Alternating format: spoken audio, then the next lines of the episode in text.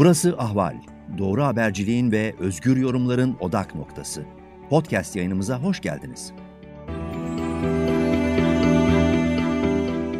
Merhaba Ahval dinleyicileri. Rojava'yı konuşacağız bugün. ABD Merkez Kuvvetler Komutanı General Kenneth McKenzie 10 Eylül günü Kuzeydoğu Suriye'ye özel bir ziyarette bulundu. McKenzie, Suriye Demokratik Güçleri Genel Komutanı Mazlum Kobane ile bir araya geldi. Bu görüşme ilişkin kulis bilgiler kamuoyuna yansıdı. Buna göre McKenzie, Mazlum Kobane'ye ABD'nin Suriye'de kalmaya devam edeceğine yönelik bir mesaj verdi. Aslında bu mesaj şu açıdan kritik ve önemli. ABD'nin Afganistan'dan çekilmesinin ardından Biden yönetiminin Suriye'de ne yapacağı merak ediliyordu. Kürtler açısından bu anlamda bir endişe vardı. Bu görüşme buna bir yanıt oldu mu? Bunu konuşacağız.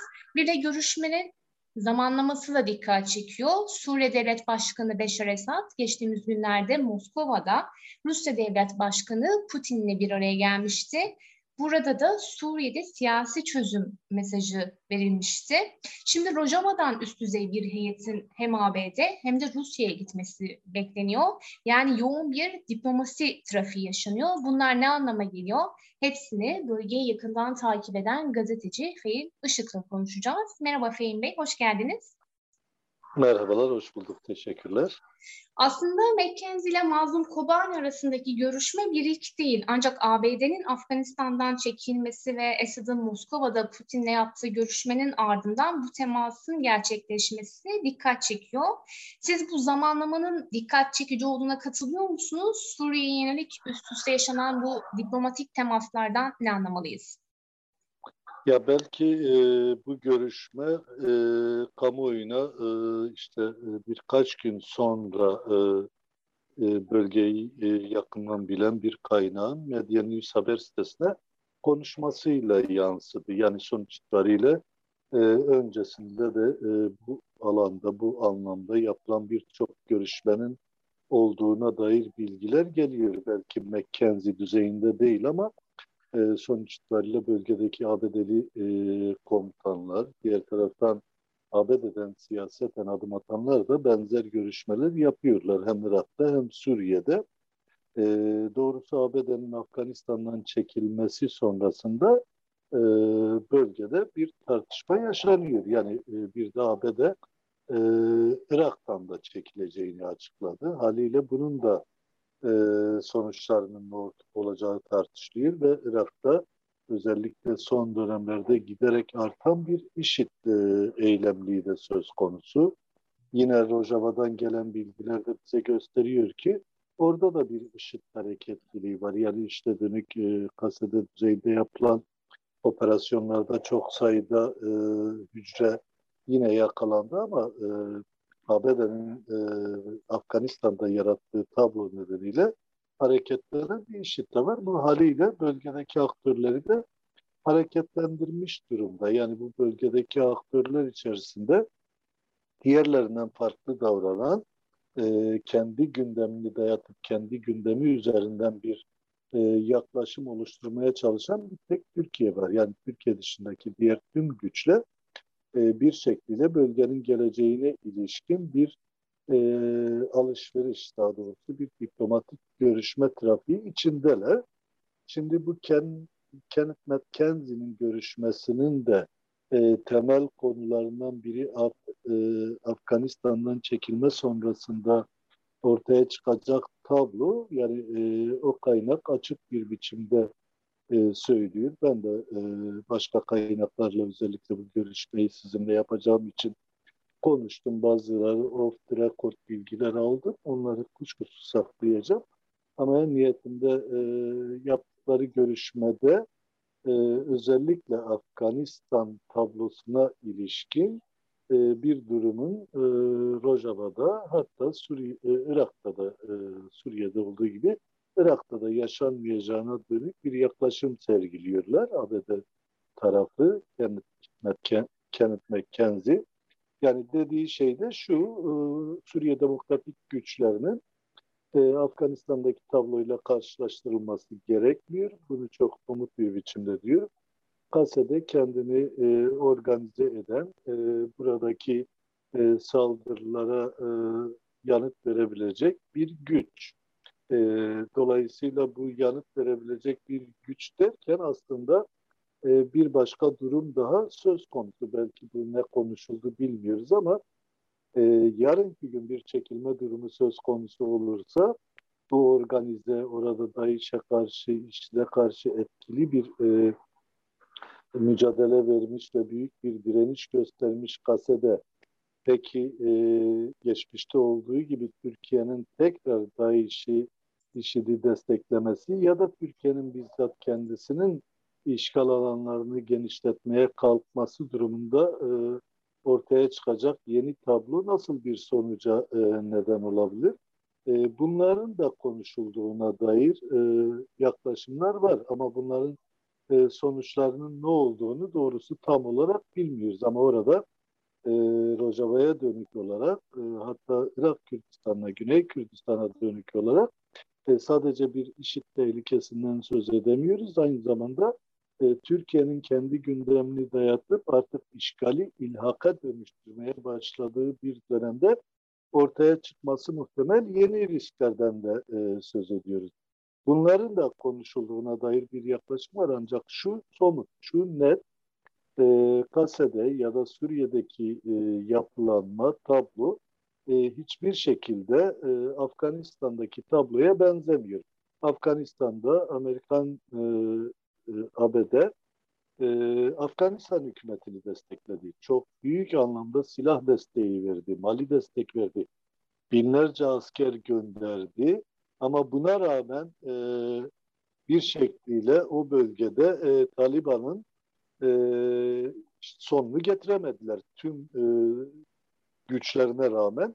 Ben nihayetinde ABD bunun kendisine maliyetli olduğunu görünce e, Taliban'la uzlaşma yolunu seçti. Taliban'la uzlaşma yolunu seçmesi sonrasında da e, kendi çıkarlarını bir kez Taliban üzerinden korumaya dönük bir adım attı. Görünen o önümüzdeki dönemde de bu ilişkiyi böyle götürecek. Nereye kadar gider bilmiyoruz. Ama Suriye'de böyle bir durum söz konusu değil. Suriye'de e, Kase'de özellikle Kobani direnişinden sonra e, kendisini örgütleyip bölgedeki diğer halkları da kendi içine katıp e, ciddi bir güç olarak ortaya çıkmaya başladıktan sonra e, IŞİD'e karşı çok etkili bir mücadele verdi ve IŞİD'i de bir şekilde alan hakimiyetine son verdi. IŞİD'in alan hakimiyetin bitmesi Irak'ta da beraberinde benzer bir durumu ortaya çıkardı. Çünkü zayıflayan IŞİD geri e, alanı kalmayınca Irak'ta da haliyle e, koalisyon güçlerinin yani bir şekliyle IŞİD karşıtı koalisyonun işlerini kolaylaştırdı ve orada da e, IŞİD alan hakimiyetini büyük oranda e, kaybetti. Şimdi bundan dolayı benzetmek mümkün değil ama başka riskler var. Yine Türkiye'nin neden olduğu riskler.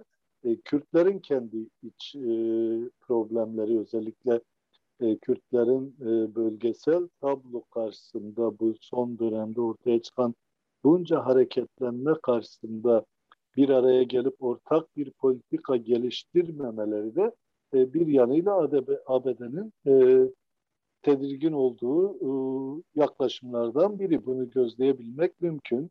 E, bunun e, açık adımını yani e, resmi anlamda kamuoyu yönünde e, Rojava'da yürütüyor işte NKS ile e, PYD'nin de içinde yer aldığı PNK e, dediğimiz 25 Suriyeli Kürt Partisi'nin ve diğer azınlıklara ait partilerin yan yana gelip oluşturduğu e, yapı arasında bir uzlaşma sağlanmasına dönük adımlar atıyor. Ama e, bu kadar açık olmasa da sonuçta Güney Kürdistan'da da e, ABD e, benzer adımlar atıyor. Yani bir şekliyle orada ortaya çıkacak bir Kürtler arası kavganın e, bölge denklemini, bölge dengelerini tamamen bozacağını e, hesaba katarak adımlar atıyor. Benim kanaatim o ki e, Kenneth McKenzie ile e, Mazlum Abdi arasında e, buna dönük de yani e, kapalı diplomasi yapıldığı belki Rojava'daki birlik sürecine ilişkin e, açık şeyler konuşulmuştur. Kamuoyuna bunlar zaman zaman yansıtılmıştır ama belki yansıtılmayan temel e, noktalardan biri de bu. İşte bunlar için bir araya gelinip e, önümüzdeki döneme ilişkin bazı yaklaşımlar belirlendiğine dair bilgiler var. E bir de siz de e, bahsettiniz. Yani önümüzdeki dönemde e, güçlü bir Rojava heyeti yani Suriye e, Demokratik Güçlerinin değil ama Suriye Demokratik Meclisi'nin e, bir bütün olarak e, Suriye Demokratik Güçleri askeri yapılanmaya karşılık geliyor. Suriye Demokratik Meclisi siyasi yapılanmaya karşılık geliyor. Bölgedeki diğer tüm halklardan oluşan bir üst düzey heyetle birlikte hem e, ABD'ye hem Rusya'ya etkili bir ziyaret yapacak. O ziyarette birçok üst düzey görüşmenin gerçekleşeceği de e, biliniyor. Ve haliyle askeri ve siyasi anlamda önümüzdeki döneme ilişkin e, neler yapılabilir, hangi adımlar atılabilirin de e, o toplantılarda ben e, gündeme geldiği kanısındayım. Yani belki de e, o toplantılara ön hazırlık anlamında da e, bazı görüşmeler yapılmıştır bu süre içerisinde. Peki hem ABD ile e, yaşanan bu temas hem McKenzie'den YPG ile ilişkin e, gelen mesajlar hem de önümüzdeki dönemdeki bu diplomatik e, trafiği de baz alırsak Kürtler için e, Kürtlerin yaşadığı endişeye bunlar bir e, yanıt oluyor mu? E, bölgedeki yansıması bu anlamda nedir Kürtlerde? Valla Kürtlerin kendi içindeki endişe, temel endişe kaynağı ABD geri çekilir, biz e, burada yalnız kalırız değil. Onu çok somut söylemek mümkün. Yani ABD en niyetli oradan çekilecek ve e, ABD çekilse bile Kürtler e, kendi topraklarını kendi güçleriyle koruyabilecek düzeydedirler. Yani bunu e, sadece bir e, propaganda unsuru gibi dillendirmiyorum. Onu çok somut diyeyim. Yani sonuç itibariyle Kürtlerin ortaya çıkardığı tablo böylesi bir belirlemede bulunmamızı e, kolaylaştırıyor. Çünkü e, çok kısa sürede çok büyük işler e, başardılar. Yani küçük desteklerle ki Afganistan hükümetine verilen desteğin belki binde biri verilmedi KSD'ye ya da peşmerge güçlerine. İşte Irak hükümetine verilen e, desteğin binde biri verilmedi e, Güney Kürdistan'daki e, peşmerge güçlerine ama buna rağmen orada işte karşı çok büyük başarılar elde ettiler.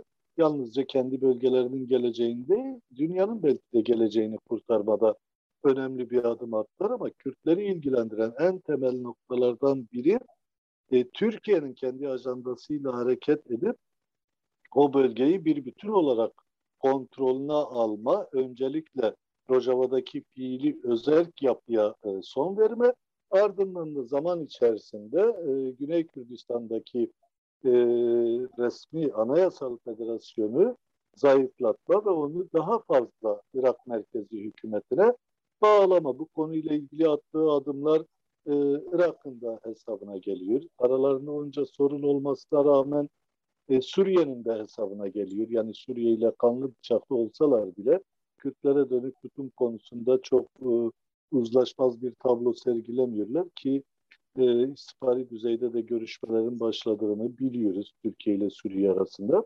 E, hakeza bu konuyla ilgili en iyi uzlaşıyı da İran'la sağlıyorlar. İşte son dönemlerde yine İran'a dönük çok ciddi İran'dan e, Güney Kürdistan'a dönük e, ciddi bombalamalar başlamış Türkiye ile eş zamanlı olarak. İşte bu tabloda Kürtlerin kendi iç e, çelişkilerini aşamamaları, ortak bir tutum belirleyememeleri durumunda. Hele hakeza bir de bunun üstüne bir Kürtler arası iç çatışma yaşanırsa bunun ortaya çıkaracağı tablo daha korkunç olur. Yani Kürtlerin tedirginliğinin daha çok bu noktada olduğu inancındayım. Aynı zamanda Kürtlerin bu tedirginliğinin e, bölge üzerinde e, siyaset yapan, kendi çıkarlarını kollayan uluslararası güçleri de tedirgin ettiği inancındayım. Yani bunların başında da ABD geliyor. ABD'nin ben böylesi bir e, Kürtler arası gerginliğin bir Kürt iç savaşına dönüşmesini istemediğini söyleyebilirim. Yani ABD'nin bundan bunu anlayabilmek mümkün. Geçmişte de 94'te de benzer bir tutum sergilemişti. Ancak başarılı olamamıştı. Emniyette Kürtlerin savaşması çok büyük kayıplara neden olmuştu ki sancılarını hala yaşıyoruz. Yine 96'dan sonra ABD onları Washington'da bir araya getirip e, bir şekliyle barıştırabildi. Ancak bugün ortaya çıkacak tablo çok daha kötü bir tablo olur. Çünkü bu konuyla ilgili kasede de tutum belirledi. Yani belki kasede bu kadar net bir tutum belirlememiş olsaydı ABD bu kadar tedirgin olmayabilirdi. Ancak tüm dayatmalara rağmen kasede e, örneğin işte PKK ile KDP arasında yaşanacak bir olumsuzlukta bundan birkaç ay önce somut söyledi. Yaşanacak bir olumsuzlukta biz tarafımızı işgalcilere karşı savaşanlardan yana koyacağız dedi. Kasede'nin askeri kongresinin sonrasında kasede sözcüsü bunu açıkladı. Peşinden Mazlum Abdi de benzer bir açıklamayla bunu teyit etti. Bu şu anlama geliyor. Yani Tekke ile KDP arasında bir sorun yaşanırsa biz e, Türk devletine karşı savaşan kimse onun yanında e, olacağız. Biz tarafsız kalmayacağız demişti.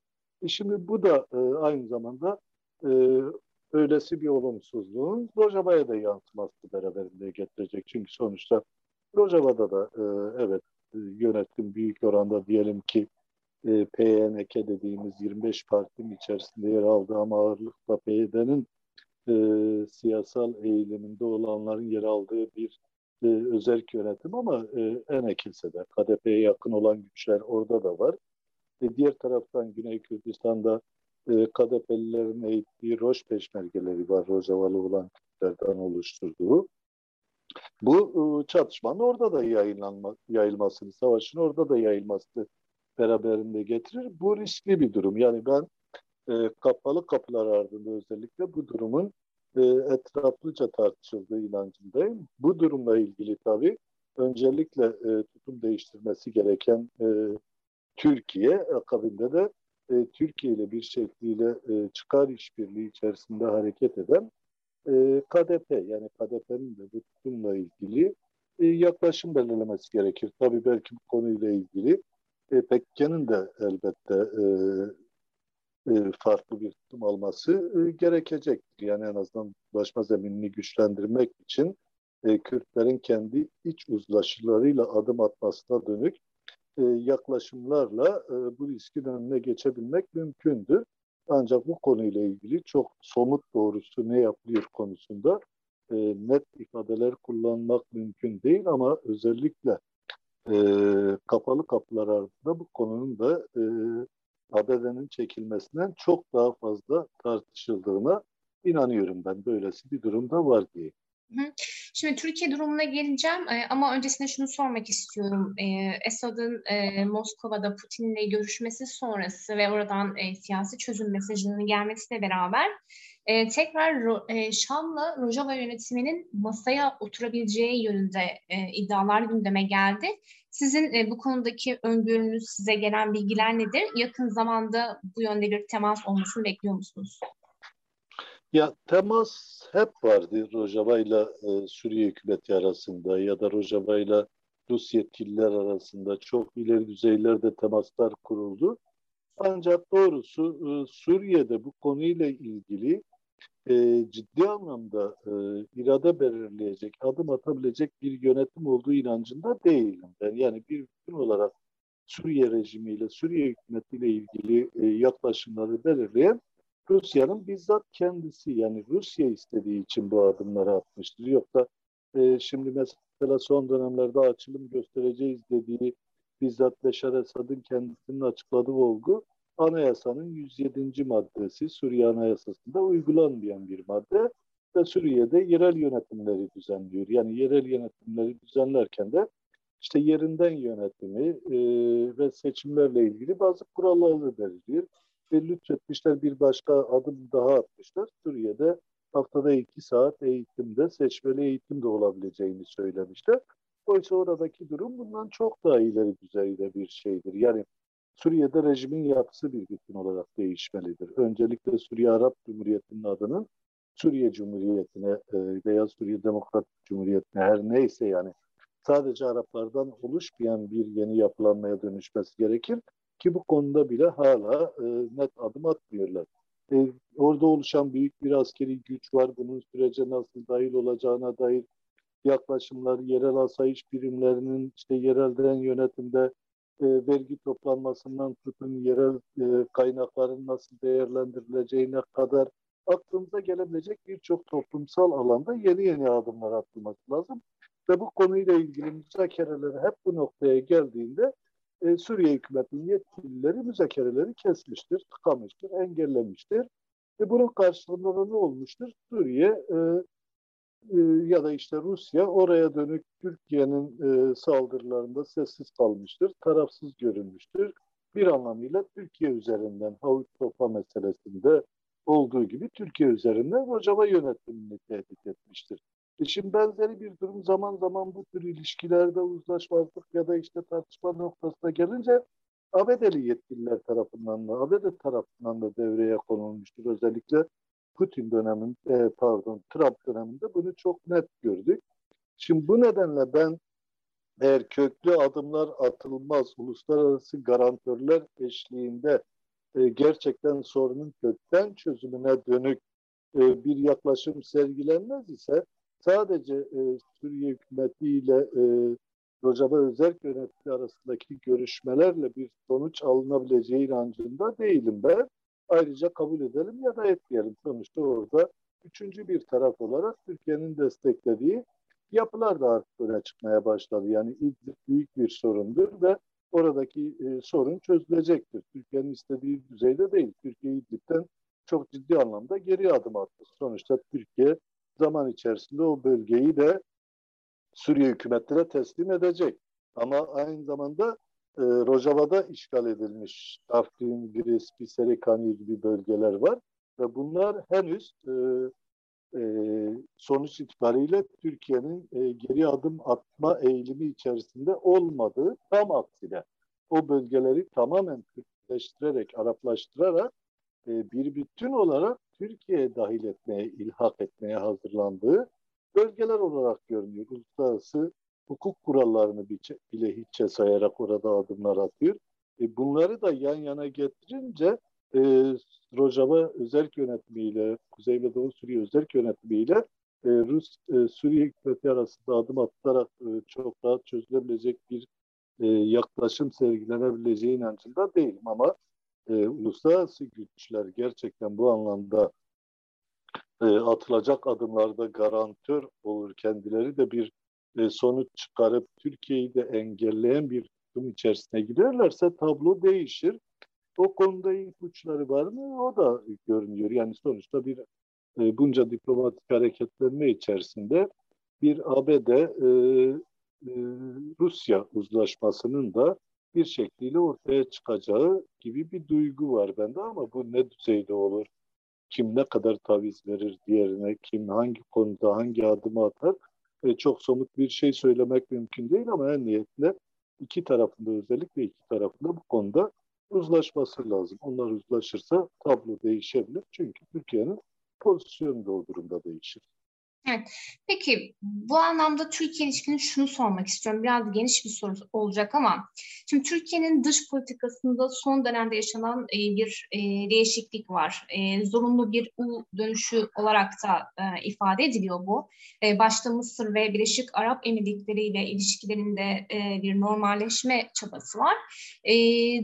Bu dış politikadaki değişiklik Suriye'ye ve özelinde aslında Rojava e, yönetimiyle ilişkileri de yansır mı? Çünkü e, diplomatik e, diplomasi trafiği bu anlamda yoğunlaşmış durumda. E, Türkiye'nin de e, dış politikası e, Suriye'den bağımsız, Rojava'dan bağımsız olamayacağı için e, ve daha önce de Türkiye'nin PYD ile resmen e, görüştüğünü de hatırlatarak yeniden siz e, buradan yola çıkarak Türkiye'nin Rojava ile yeniden görüşmelere başlayabileceğini düşünüyor musunuz? Bu anlamda e, yakın gelecekte böyle bir temas bekliyor musunuz? Ya öncelikle şunu tespit etmekte yarar var. Türkiye'nin Mısır'dan ABD'ye, Rusya, dünyanın bütün ülkelerine kadar Orta Doğu ile ilgili geliştirdiği tüm temaslarda yaşadığı sorunlarda e, bir şekliyle Kürtlerin Orta Doğu'da, Rojava özelinde ve e, Güney Kürdistan özelinde bir statü oluşmalar, oluşturmalarının çok belirleyici olduğuna inananlardanım. Yani Türkiye bu statüleri kendisi için riskli görüyor ve bunun önünü kesmeye dönük adımlar atıyor. Son yıllarda bunu yaparken de yayılmacı politikaya girdi. O yayılmacı politikayla birlikte Müslüman kardeşlerden işi de varıncaya kadar birçok e, silahlı İslami cihadist örgütle de bir araya geldi.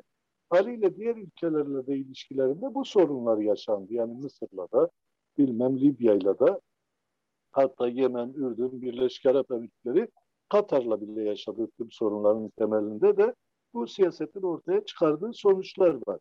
Şimdi Türkiye bu siyaseti değiştirmediği sürece e, bu e, dönük işte e, bir şekliyle e, Libya'ya bilmem işte Mısır'a bilmem işte Katar'a, Birleşik Arap Emirlikleri'ne, Suudi Arabistan'a sıcak mesajlar vermesinin çok kalıcı sonuçlar çıkaracağı inancında değilim. Yani şimdi yaptığı adımlar bir şekliyle e, onlarla yaşadığı sorunların kendi aleyhine dönüşmesini önlemeye dönük adımlar. Bunu Suriye, İran ve Irak'ta yaparken Kürt ortak öznesinden dolayı e, bir şekliyle daha rahat adım atabiliyor. Çünkü Kürtlere dönük politikada ortaklaşabiliyorlar ama diğer Arap ülkeleriyle aynı yaklaşımı e, sergileyemiyorlar. Dolayısıyla onlar da Türkiye'den peşi sıra tavizler koparıyorlar. Yani o tavizlerin en belirgin biçimde e, ne olduğunu Mısır'da da e, işte Birleşik Arap Emirlikleri'nde de görebiliyoruz. Birleşik Arap Emirlikleri ile geliştirdiği ilişkilerde de. Şimdi PYD ya da Rojava özel yönetimi noktasına gelince bu konuyla ilgili Rojava özel yönetiminden ya da PYD'den bir olumsuz yaklaşım yok. Yani onlar e, şimdiye kadar zaten Türkiye'ye dönük hiçbir saldırılarının olmadığını, Türkiye'nin Kürt düşmanlığından, kuzeydeki e, Kürt siyasetinden, Kuzey Kürdistan'daki Kürt siyasetinden kaynaklı olarak kendilerine dönük bir saldırı içerisine girdiğini ve Türkiye'nin bu tutumunu değiştirmesi durumunda işgal saldırılarına ve Kürtlere dönük düşmanca tutumundan vazgeçmesi durumunda çok rahatlıkla ilişki geliştirebileceklerini söylüyorlar. Bu şu anlama gelir. Yani eğer Türkiye gerçekten köklü bir değişikliğe giderse Kürt siyasetinde e, bu konuyla ilgili adım atarsa e, elbette PYD ile de görüşür. Hatta ve hatta ileride belki Mekke ile de yeniden görüşme olanakları yargılanıp bunun üzerine yeni adımlar da atılabilir ama yok bu politikayı değiştirmez ise ben e, PYD'nin e, öyle küçük bir göz kırpmayla hadi gelin görüşelim deyip ondan sonra Türkiye'nin geçmişte görüşürken de yaptığı gibi bunu e, işte özellikle Kuzey Kürdistan'daki Kürt siyasi hareketinin aleyhine kullanmaya kalkması, onu kendi e, Kürt siyasetinin aleti yapmaya kalkması durumunda e, hiçbir şekilde başarılı olamayacağını ve onunla görüşecek bir e, Rojava özel yönetiminden bir siyasal yapılanmanın olmayacağını söyleyebilirim. Yani Emniyetli Enekese ile ciddi bir ilişkisi var. Türkiye'nin Enekese'nin bir bölümüyle daha doğrusu ciddi bir ilişkisi var. Ama bunun da Kürtler arasında bir karşılığı yok. Ya da işte e, KDP ile bir şekliyle belli düzeyde ilişki geliştirmiş bir çıkar işbirliği içerisindeler. Ama tüm bunlara rağmen e, Türkiye'de Kuzey Kürt siyasetleri ya da bir bütün olarak e, Kürt toplumunu kendi yanına almaya dönük hiçbir yaklaşım e, gösteremiyor. Son dönemde CHP'nin oraya gidişinin de ben e, bu siyasetten bağımsız olmadığını düşünüyorum ama buna rağmen dediğim gibi sonuçta Kuzey Kürdistan'da e, ne yazık ki bir savaş yaşanıyor. Yani artık adına ne derseniz deyin, Türkiye farklı tanımlıyor, uluslararası güçler farklı tanımlıyor. Ama her gün onlarca insan yaşamını yitirdiği bir savaş yaşanıyor. Ve bu savaşta ancak savaşın tarafları çözebilir. Ve Türkiye bu konuda siyaset değiştirmemekte ve tam aksine giderek Kürtlere dönük düşmanlığı e, arttırmakta e, bir sakınca görmüyor. Bu siyaset değişmediği sürece de ben e, ciddi bir adım atılabileceği inancında değilim. Ama Kürtler ne yapar? Kürtler sonuçta e, götürebildikleri yere kadar götürürler, direnirler. 1925'te de yaptılar, 1938'de de yaptılar, yenildiler. İşte 1984'ten bu yana da yeni bir hareket, bunca uzun, en uzun süren isyan oldu e, zor olur ama gider. Gider bir şekilde gider. Artık bugünkü hareket siyasallaşmış da bir hareket ve siyasal çözüme de hazır bir hareket. Ben Rojava'daki yapılanmanın bu siyasetten çok bağımsız davranacağına inananlardan değilim. Yani kendi başına bir adım attı aslında Türkiye'yle. Evet. Peki çok teşekkür ediyorum Fehim Bey katıldığınız için. Ben de teşekkür ederim. Sağ olun. Görüşmek üzere. Ahval podcastlerini tüm mobil telefonlarda Spotify, SoundCloud ve Spreaker üzerinden dinleyebilirsiniz. Apple iPhone kullanıcıları bize iTunes üzerinden de ulaşabilir. Türkiye'nin ve hayatın cıvıl cıvıl sesleri Ahval Podcast dizisinde. Kulağınız bizde olsun.